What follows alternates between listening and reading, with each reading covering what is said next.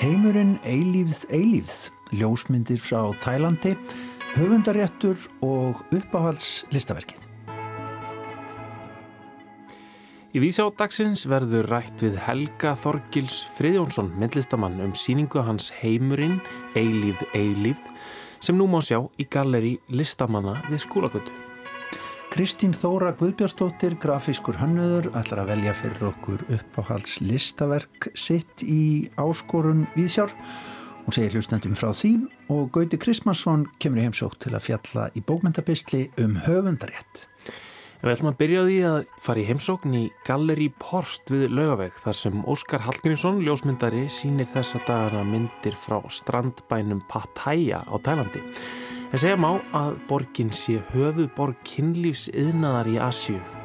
Hello, Love You Forever nefnist síningin og nýjútkomin bók Óskars með ljósmyndum frá Pattaya. Hann byrjaði að segja okkur frá þessari merkilegu, mögnuð og miskunarlausu borg.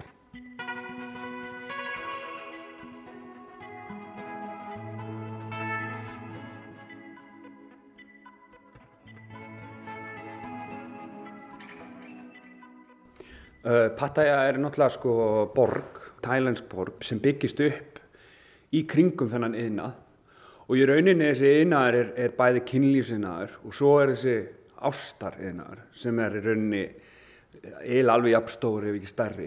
Og, og hérna en hún byggist upp í Vietnamstríðun þessi borg í kringum bandaríkjaman sem eru nota, nota þennan stað sem bækjastöð fyrir Vietnamstríði og byggist upp í kringum hennan eina. Það byggir, það kemur hérna uh, bandaríkjamaður held ég sem, a, sem opnar gógubari hérna á strandinni og, og hérna og síðan bara byggist hún upp í kringum hennan eina. Sko. Um, þú hefur ferðast mikið um heiminn og starfað Erlendis, uh, Indlandi og saminað arabísku fyrstadæmunum. Um, fórstu þarna gert til þess að taka þessa myndir? Hva, hvað dróð þig til, til Thailands og, og á þennan stað? Uh, ég var að klára fimm mána túr af verkefnum. Ég er mikið, mjög mikið ellendis. Ég var sjö mánuði á síðasta ári að mynda uh, hér á þannum heiminn. Og ég var tvo mánuði í Índlandi, tvo mánuði í Vietnam og síðan fer ég hérna í mánuð að taka þetta verkefni. Og það sem drómið ánga upprunalega var að vinnum minn var að gifta sig uh, tænelskri konu í, í Pattaya og hann bauð mér að koma og ég var hérna við hliðina, ég var í Vietnam og það var komin rigningatímubil, þannig að það var frekar glata að vera þar þannig að ég fór bara hvað að fara hérna yfir og, og hérna var líka bara forvitin og var með svona þessa hugmynd í kollurum að mér langaði að gera eitthvað um þetta og síðan bara meðan ég var hérna þá, þú veist, þá var það frekar augljóst að, að hérna ég er, alveg, ég er alltaf bara með myndavelina með mér og ég, ég, ég get ekki ekki tekið myndir, þú veist, mm. það er bara inn í mér sko. Þannig að þú byrjaði bara að taka myndir svona af því sem að því varst áhugaverð, þú varst ekki með einhverju hugmynd um hverju þú vildir ná fram eða, eða hvað þú vildir gera með þetta strax í byrjun eða hvað?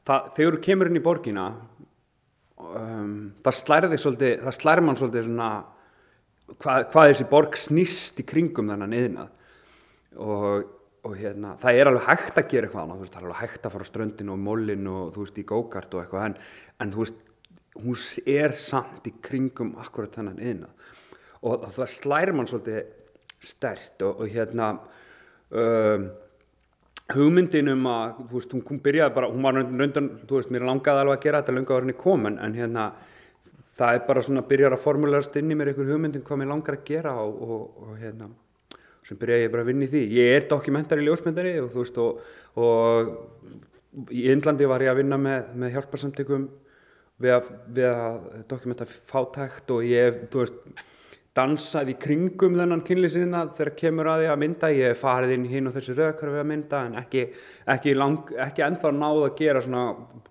verkefni nákvæmlega eins og ég er að gera núna, núna. Hvernig, e, nú ertu með, með mikið eitthvað nefn bara myndir af fólki e, er, er, er, er fólk var fólk alveg til í að láta taka mynda sér þarna, var fólk bara opið fyrir því að taka þátt í þessu verkefni? Uh, nei,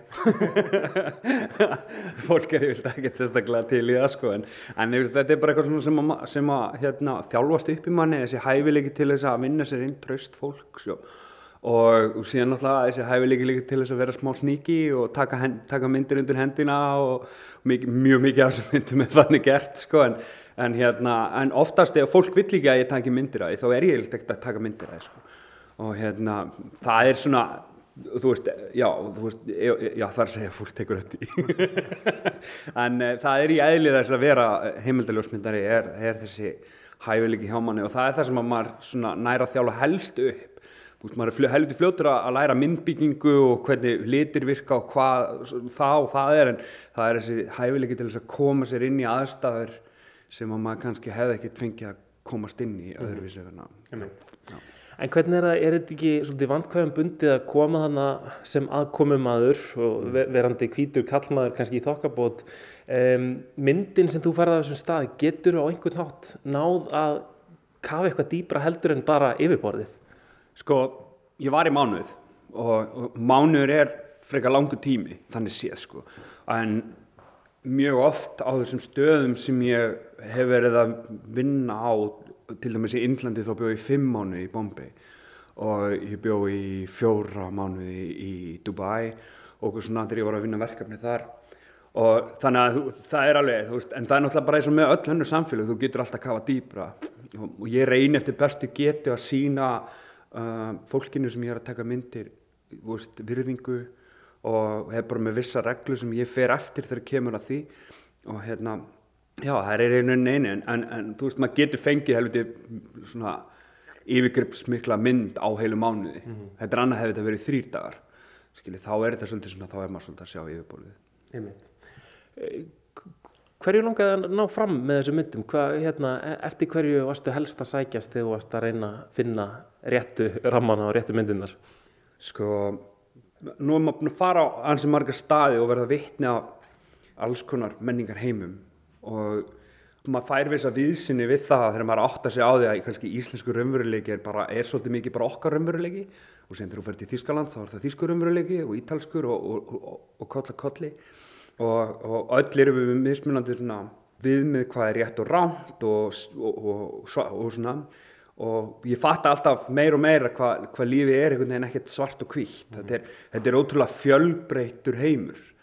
Og, og það er svolítið svona sem ég vil eiginlega sína fram á í eiginlega öllu sem ég er að gera ekkert endilega bara þessu verkefni er þessi fjölbreytileiki sem við erum sem, sem manneskjur mm -hmm. og þegar að þú þegar þú kemur á svona stað eins og þetta þar sem þú, þú að því að við erum vestræn þjóð og við erum mentu þjóð og eigum að vera, þú veist, sósjaldemokrata, eitthvað, hérna, skandinavist, réttlætiskendar þjóðfélag, þá höldum við að við vitum svo mikið um hvað er rétt og rán og við höldum að við höfum svo starkar hugmyndir, en þegar, kom, þegar ég kem á þessa staði, þá fattar ég rosa mikið að ég veit eiginlega ekki neitt. Mm -hmm. Ég er bara með veist, þessa pínu litlu rörsinn sem ég hef séð í gegnum internetið og, og, og eitthvað annað og mér finnst það að vera svolítið svona áhugavert að veist, þessi heimur þarna, hann er mjög fjölbreyttur og það er svolítið sem ég vil eiginlega sína fram á, veist, það er eiginlega ekkert endilega, það er vissulega hluti sem er að mínu manni rángir og það er, en það er rosa margt sem að ég, hérna, var bara með sjálfu með forduma fyrir.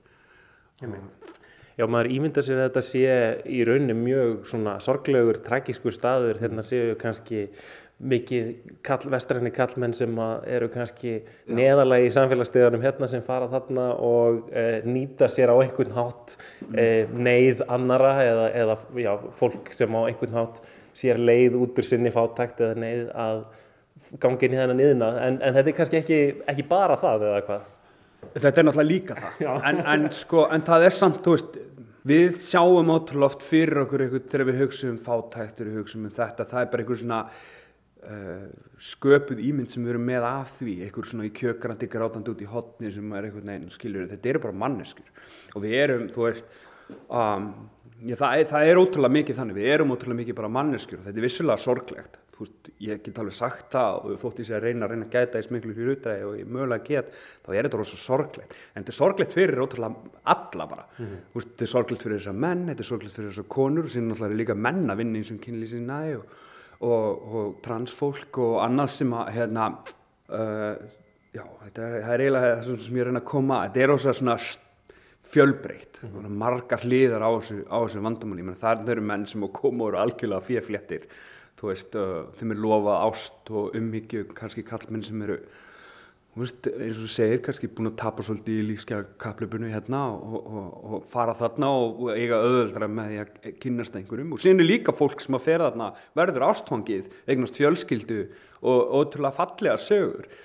Þú veist, en, en hérna já, þetta er bara, þetta er ótrúlega margþætt og það, það er svona, það er svona kannski að helsta sem að ég, ég svona yfirskinni í síningunni er glansmynd veist, þetta sé svolítið glansmynd og þetta sé svolítið mikið gert úr plasti og þetta er svolítið mikið framleitur umveruleiki og, og hérna, já, það er eiginlega svolítið svona það sem mín upplifun á sem stað er að, að það er allir einhvern veginn í einhverju svona framleitri ímyndunar bublu. Mm -hmm. Er einhver eh, ein myndirna sem við getum kannski talað sérstaklega um einhver sem er í uppáhaldi hjá þér eða, eða einhver svona góð saga baka? Ég get, já, ég get, já, ég get talað um allar, já, já. en hérna til dæmis bara, til dæmis bara Forsjan hérna. Þetta, já, þetta, þetta er myndin sem að, já, nafnsýningarinn er dreyið af, Já, og bókarinnar náttúrulega, sko. Og, meina. og hérna, uh, já, þetta er sem sagt glasamotta á, á á vandishúsi sem sem að ég var hérna að lappa fram hjá og það er vendiskona sem heldur utanum þessa glasamóttu og, og, og á glasamóttunni er mynda Barbie, portréttmynda Barbie-dúku og uh, hún svona, e, e, þetta er svona glasamóta þegar þú reyfir þig, þú veist, þá breytist myndin. Og ég næ henni akkur þegar hún er að, svona eins og sé, svona hálf blikkandi og það er mynd svona skítaför hérna á henni, svona þrjú og þau lítar svolítið svona út eins og ör, þú veist, og og þessi kona er svona presentera þessa mynd og mér finnst hún einhvern veginn ótrúlega sterk upp og það bara einhvern veginn að lýsa öllu sem að er, veist, það verður að manufakta einhvern, það verður að búa kasta fram einhverju ímynd af, af konu og ímyndin er þú veist á að líta rosa vel út en þetta getur verið rosa bjagað, þetta er rosa bjagað mm.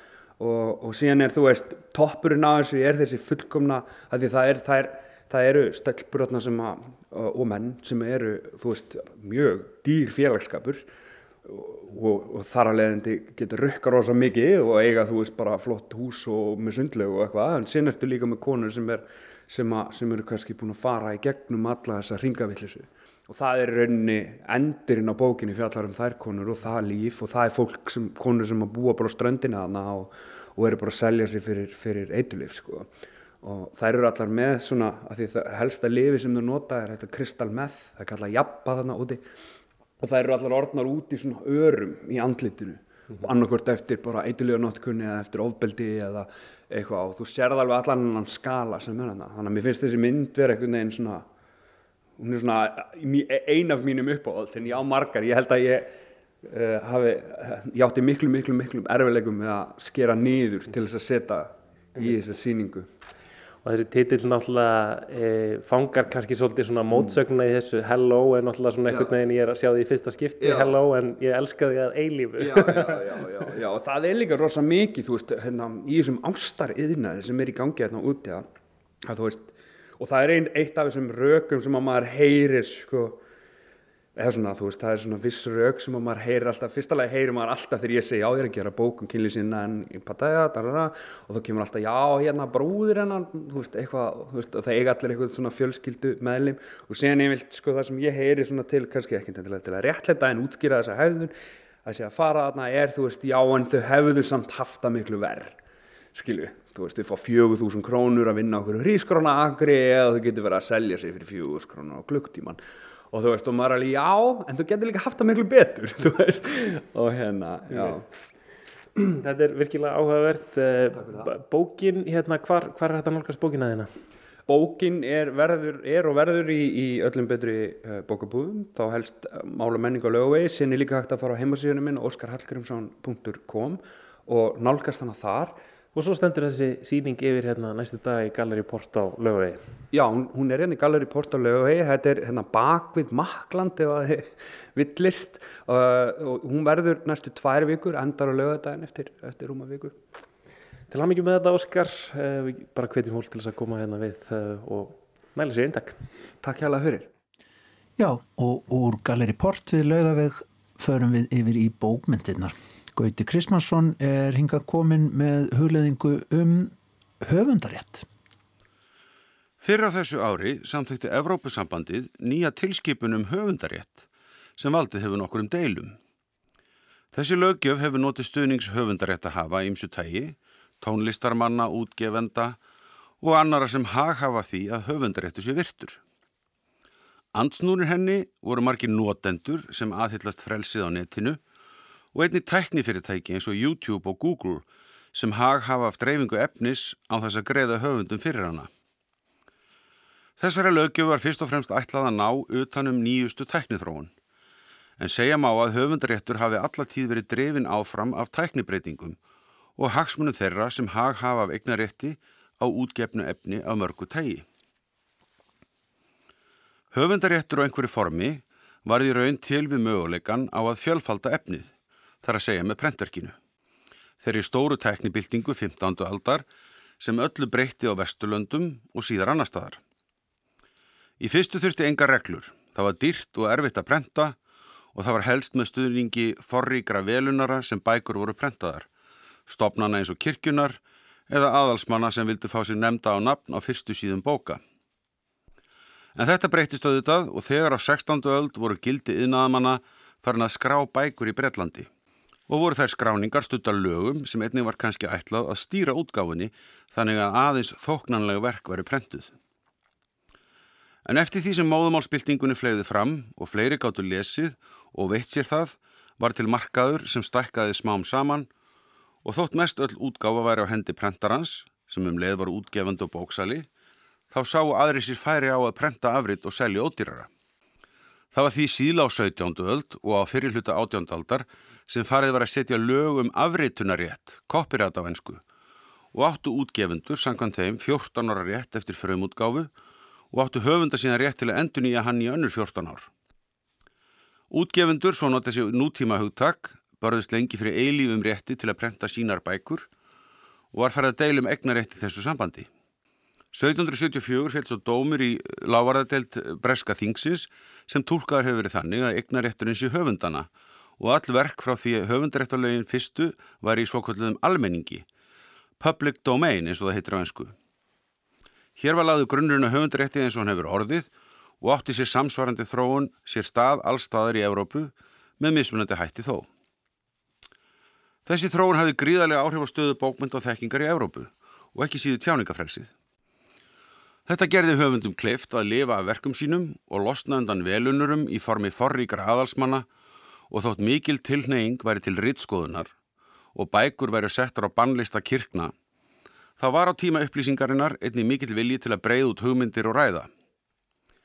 Þannig breytti höfundarétturinn algjörlega þekkingaröflun og miðlun í Evrópu og gerði mörgum ætlausum mönnum kleift að taka ærin þátt í samfélagi sem enn var í viðjum aðalsveldis og fjármuna.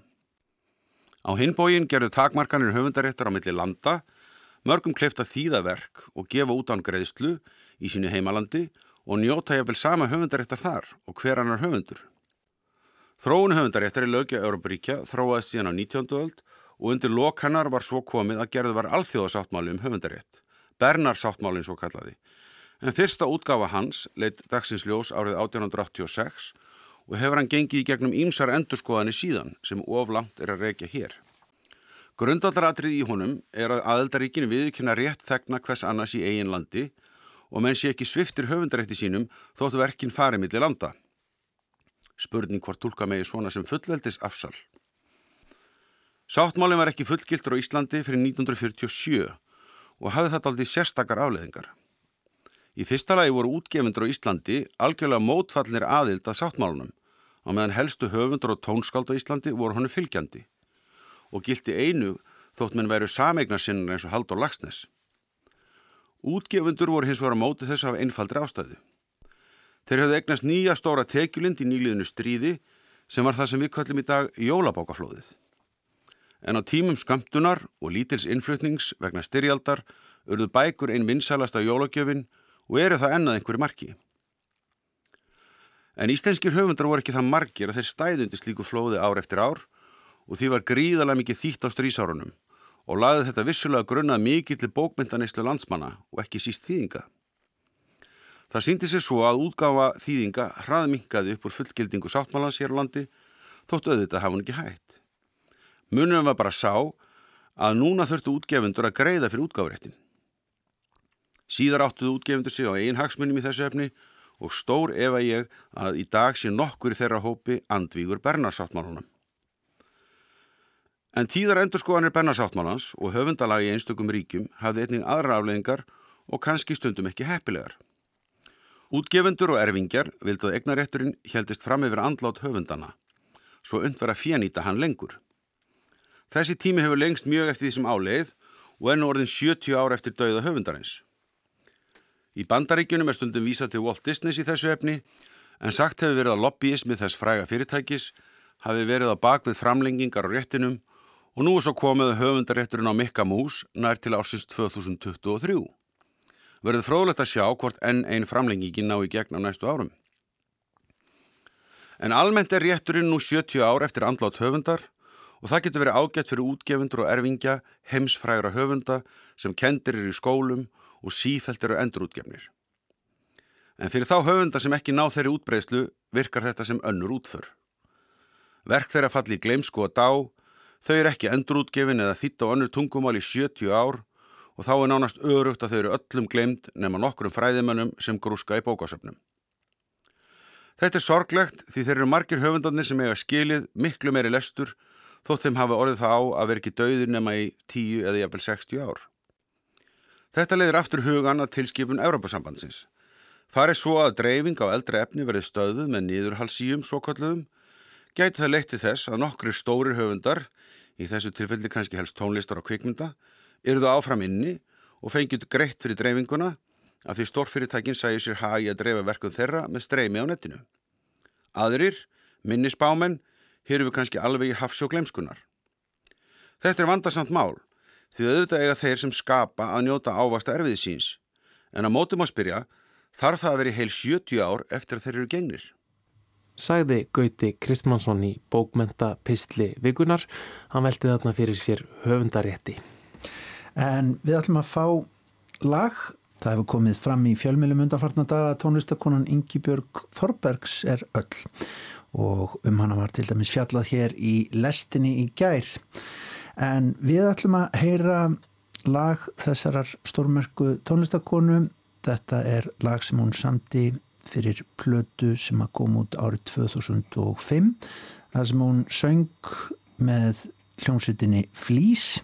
Þetta voru lög sem að hún samti teksta stundum við en eh, líka átti þarna teksta Kristján Reynsson. Þetta lag heitir Brostu þínu blíðasta, lítið fallet lag sem að Ingi Björg syngur með sínu nefi. Brostu þínu blíðasta, brosi ástinn mín, sólar glætan síðasta, svíður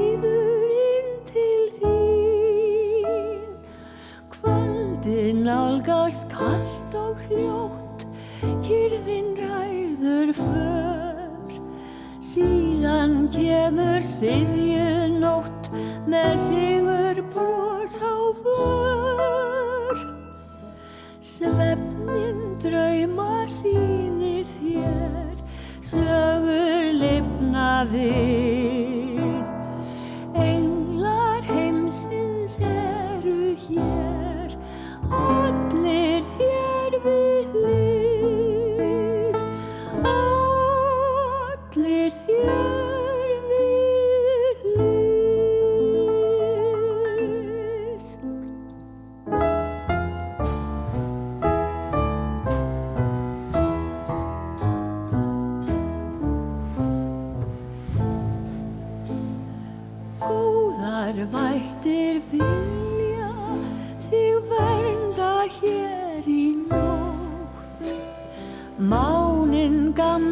Gamli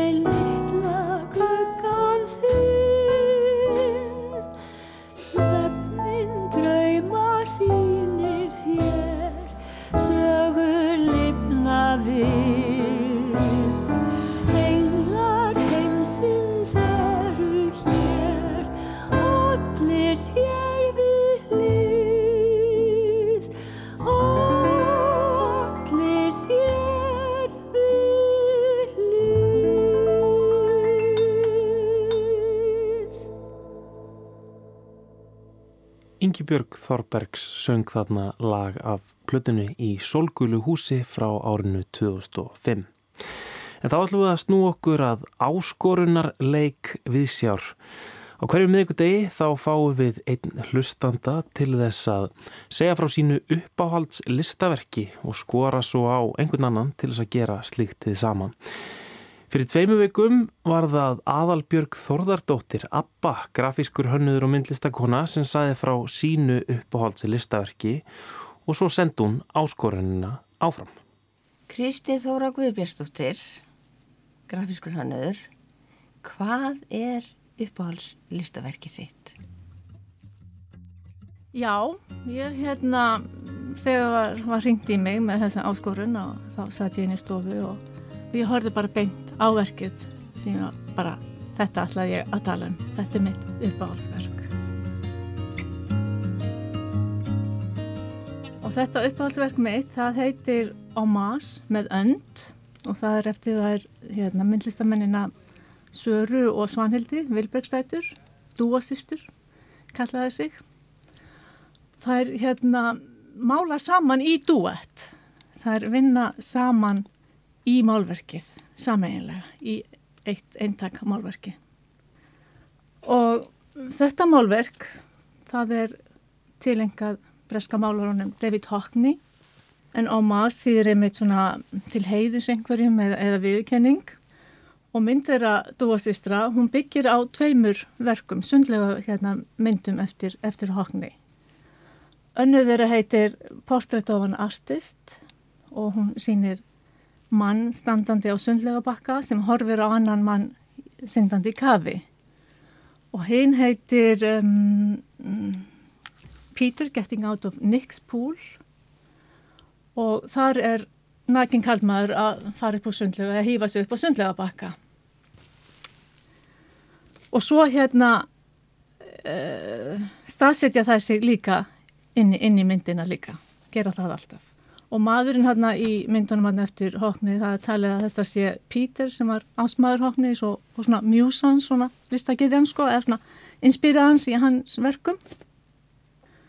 Um, Sara og Svanhildur þær fóru að mála saman svona samanlega í málverkið á menningarnótt 2010 og þær hafa málað nokkuð svona ómasverk eins og það er kallaða tilengaða svona sínum uppahálslistamönnum eins og til dæmis Fermir, Móni, Húper og svo Hakni og þær heita allar þessar, þessar myndir sem þær tilenga þessum málurum, þær heita allar á Mars með frá Mars. Það eru svo skemmtilegar. En það er sem sagt taka svona minni eða, eða þekkt, þekkta myndir eftir þessar listamenn endur gera það og staðsetja alltaf sjálfa sig inn í þessar mynd, myndir líka og myndirnar setja líka alltaf hérna ost af því ostur er frá Mars á, á fransku en í þessari mynd sem hérna sem ég er að fjalla um sem er ómaðs með önd. Það var ekki ostur, heldur settu við svona litla gula gúmiönd, svona eins og litli krakkari með í baði og hún svona gæjistu upp úr svona forgruninum. Ef ég lýsa myndinni þá er svona, svona viss húmor í henni. Og, svona, líka svona, svona, næft málu, svona næfismi líka. Og, og þegar þú horfir á hana þá bara fyllur hann því gleði, bara, þú bara fer að brosa og eiginlega skellir upp úr svona því hún er svona, já, hún er einst, einstaklega svona hlindin einhvern veginn á einhvern hátt. Og það eru þessir hérna, þrýri einstaklinga, kallmenn, hérna, frá Hóknes í sástu myndinni og svo þær tvær, hérna, sýsturnar, fljótandi um á önnur á hérna, bleikri vindseng og heina gulri. Og svo er þar í hérna, svörtum baðfötum svört sólglerugu fælega svona eitur kúl alveg. Og, minn, og minnum maður svolítið sko á myndina hérna, eftir, hérna sem Donna Croyd og John Belushi voru í hérna, hvað heit hann nú eftir uh, Blues Brothers. Og líka hérna Men in Black sem hérna Tommy Lee Jones og Will Smith voru. Og svo, emitt, kíkir þessi litla gula gummiönd upp úr. Einmitt. Þannig, hún, er svona, hún er full húmor og, og litun þessi sundlega blái. Svona, já, mjög svona svona lazy, cozy afslappandi stemming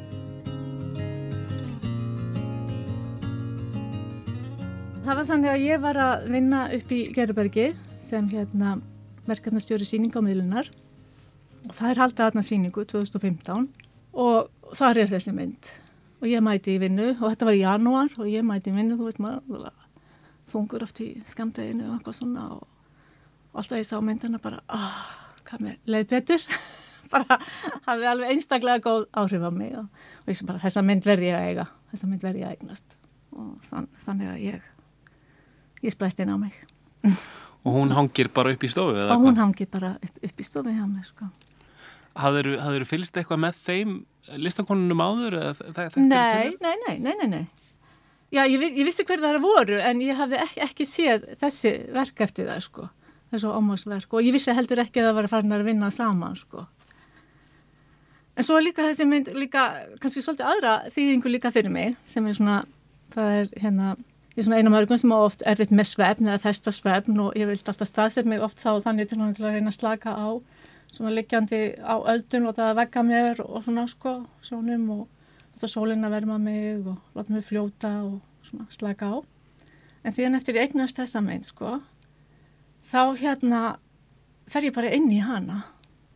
Fer inn í þessa sviðsendingu með dúfsisturum, hopp upp á eina vinseng, flýt hana með þeim og þessum þreymur gaurum að sokni.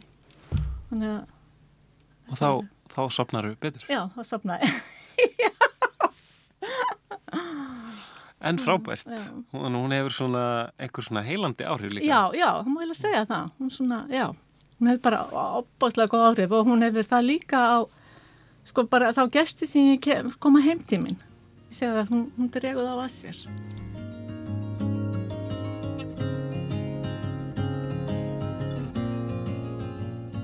Já, já, ég þekkti til verka Hóknins áður, hann kannski ekki alveg sérstaklega einhver rosa uppáhaldi en mér finnst hann oft mjög, mjög skemmtilegur, flottur, tegnari.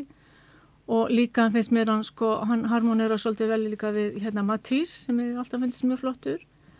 Og það er, þeir eru með svolítið svona svipaða litapalettu, það er hérna, Matís var náttúrulega við miðrahafi og þar kemur þessi blái litur sem mér finnst opáslega falli og af mínum uppáhaldslitum og það er líka hjá Hockney, hann bjóð út í, í Kaliforníu.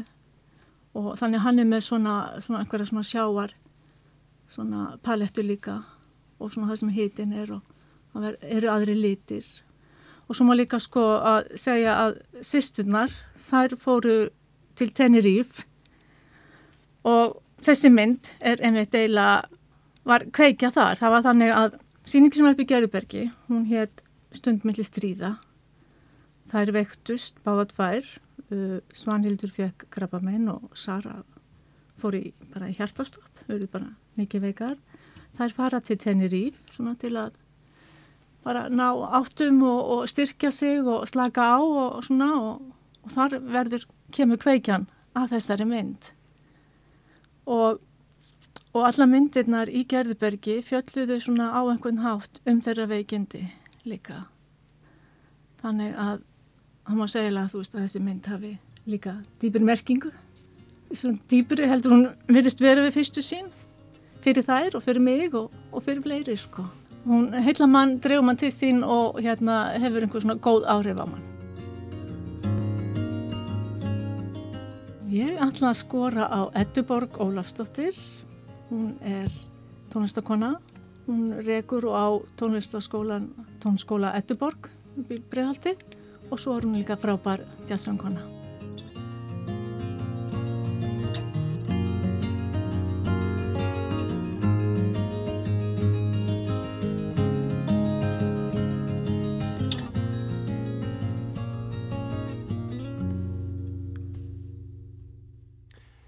Já, þetta er rólegt og romantískt gítarspill frá Kings of Convenience.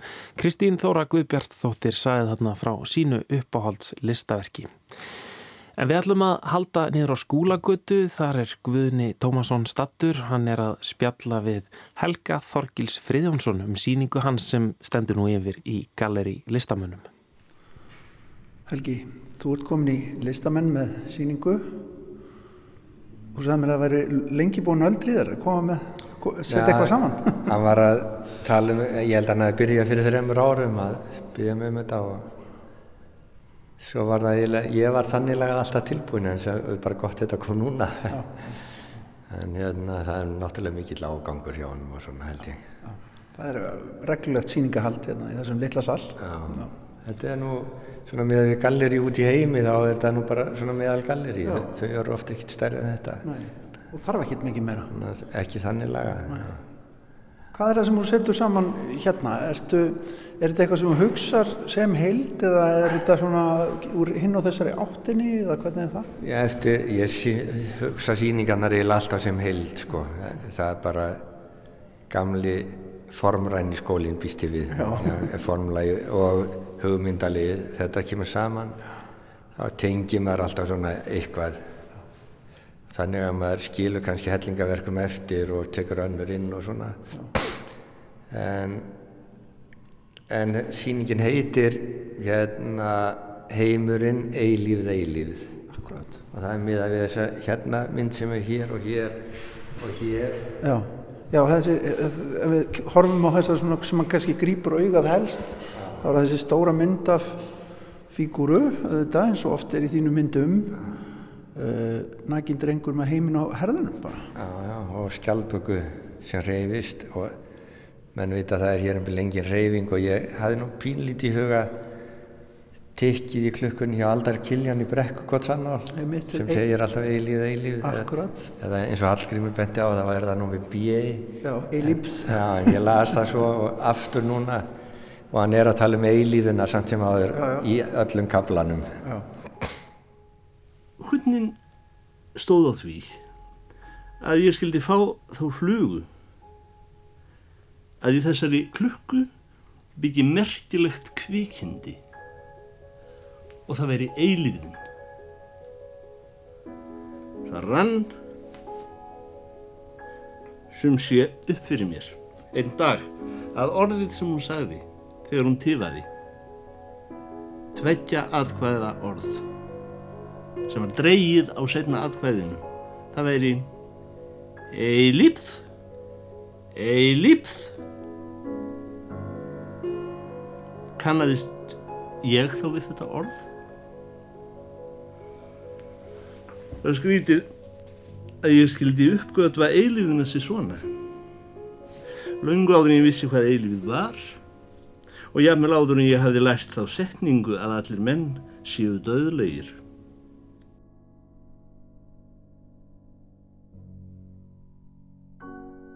Og þannig tengist þetta til dæmis svona mynd sem er sjálfsmynd og hérna gullgerðalista verkværi já, já. Sko það er oft þessi, það er allir mikið, út allir auka hluta maður.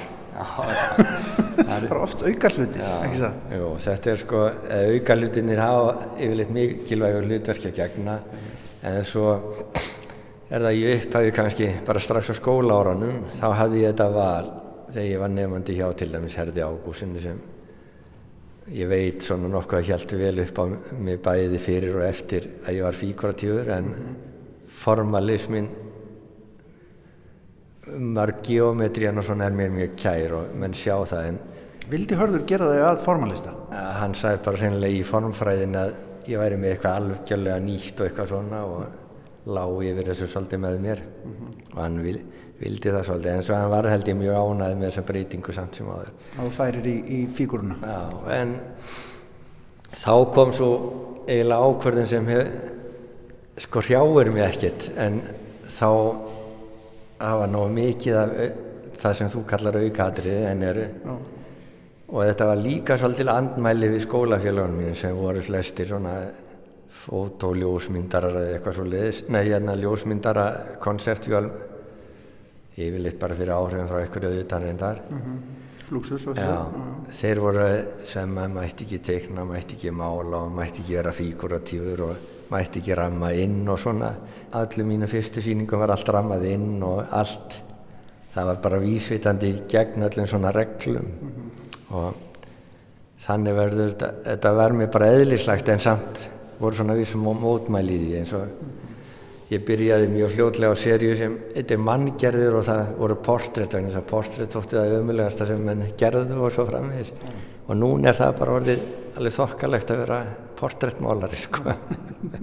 Svo snýst þetta allt, svo snýst þetta allt. og maður er náttúrulega þessi er kannski svolítið um það að lókum þá býtum við alltaf í skottið á okkur sko.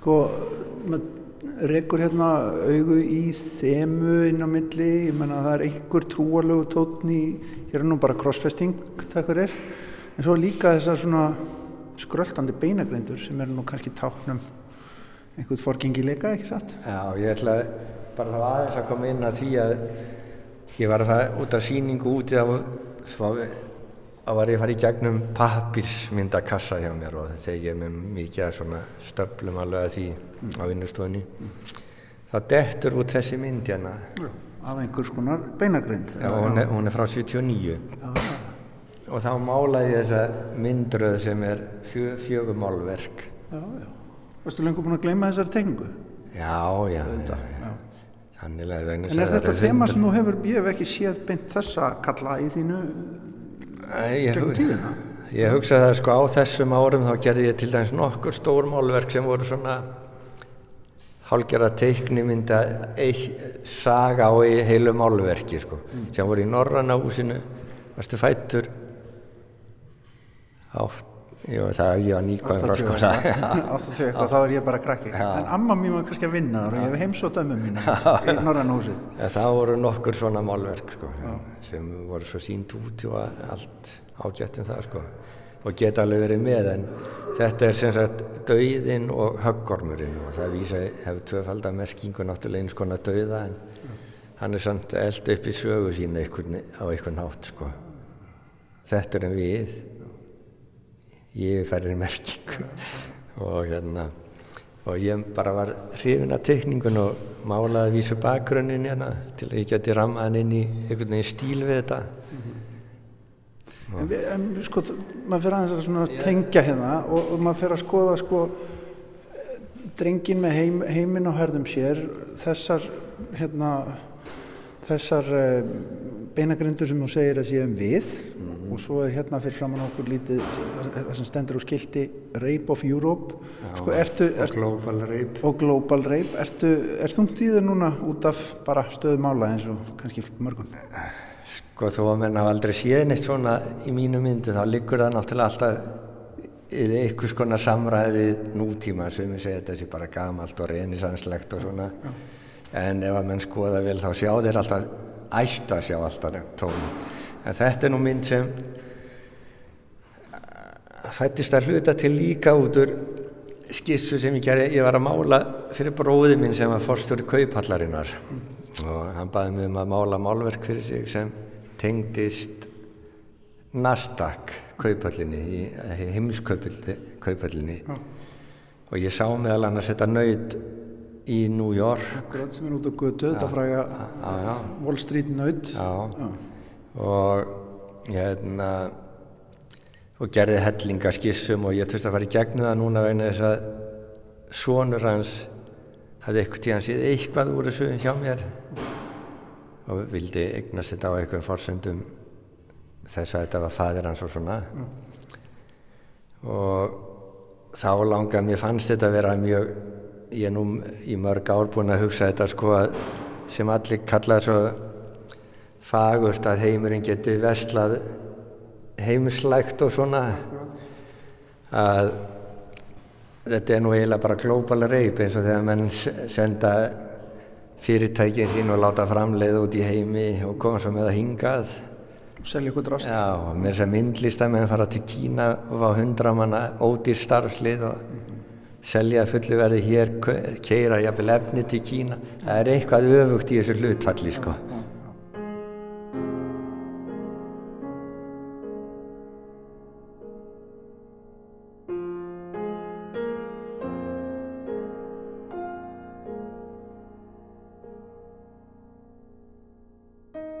eins og núna á þessum tímum sem við erum að lifa núna og það þingist á mann í brúnin eftir bara á hverjum degi yfir, yfir nýjum skýslum um það að svona svona margar þúsundir dýrategunda séu að bara fara í vaskinn. Mm. og þetta sé allt meira og minna að fara í vaskinn. Ég menna, ertu, þú veist, he, þú segir þetta liggur alltaf að baki í, í mínum verkum en ertu meðvitað að hugsa um þessi hérna, mál þegar á meðan þú ert að vinna kannski ekki beinlýndis á meðan ég er að vinna sko, ég hefur ás eitt á meðan ég er að vinna. Helvitis heimsendaböli þar sko ég er ekki lífþjáningum laðin, ég er ekki svo manngjörð sko, en það held ég að sko þessi lífþjáningamenn þeir valda sjálfum sér engungu þjáningunni. En ég held að ég sé að leggja til eitthvað til þess að heimurinn sé betri og ég sjálfur held ég það sem myndi kallast manneskja sem elskar beði náttúruna og mann fólkið sko Já. en þó þetta sé allt nútíma og svona ég held að einn af göllum síðustu aldar og meðal annars þessar erfileika sem við erum í sé þetta kerfi sem eiginlega kom móternismannum að stað þar segja einangra hluti eins og ég held ég að nú oft minnst á það ef að læknir læknar auga þá er hann kannski eðalegja restin af líkamannum og svona og þannig getum við verið heiminn við gróður setjum eitt trí og þá heldum við sem að gera þá séum við að bjarga heiminn við eitthvað svo leið sko. þetta gerir þetta voða þægilegt fyrir þessa sem er í þessu sko Her, ég bara gróður setja eitthvað trí eða eitthvað svona kaupi jörði jafnvel og gera hana trjá trjárunna og við núna voðalega mikið upptekina því að gera okkur sjálf persónlega ábyrg fyrir stöðum mála og meðan kerfin eru bara eins og þið eru. Já, og, og pólitíkinn tekur ekki ábyrg og, og hvað þá fjármála valdið endilega. Já, já, þetta er, og þetta líkur allt í þessu sko. Það sem ég og kannski ímissir aðri listamenn allavega ég ég leita mikið í sögun á þessari með þessa skýrskotum sko að þegar módernismin kom þá afgreitan hér byrj 19. aldana eins og einskis virði í listasögunni en þetta er hún er ótrúlega fín og allt svona sko það er bara, það er bara tími hvers tíma sem ákveður alltaf að nærligjandi fortíð síðan vestar sem til er Já. og vil breytu bylta en fyrir mér er, er hérna, heimurinn svona heill og draumar og dölhyggju og allt þetta er realismi fyrir mér sko. Þetta er bara heldin að þínum pakka þar að þú hefur líka það sem er inn í þér og svona. Og, og þannig er þannig getum við freka virt sögun og freka lítið á okkur sem bara eitt stórt trí og við bara vöksum þar sem við vöksum út úr því eða eitthvað svolítið sko. Ekki bara fín loka orð Jú, jú, allt í hæg Takk fyrir spjallið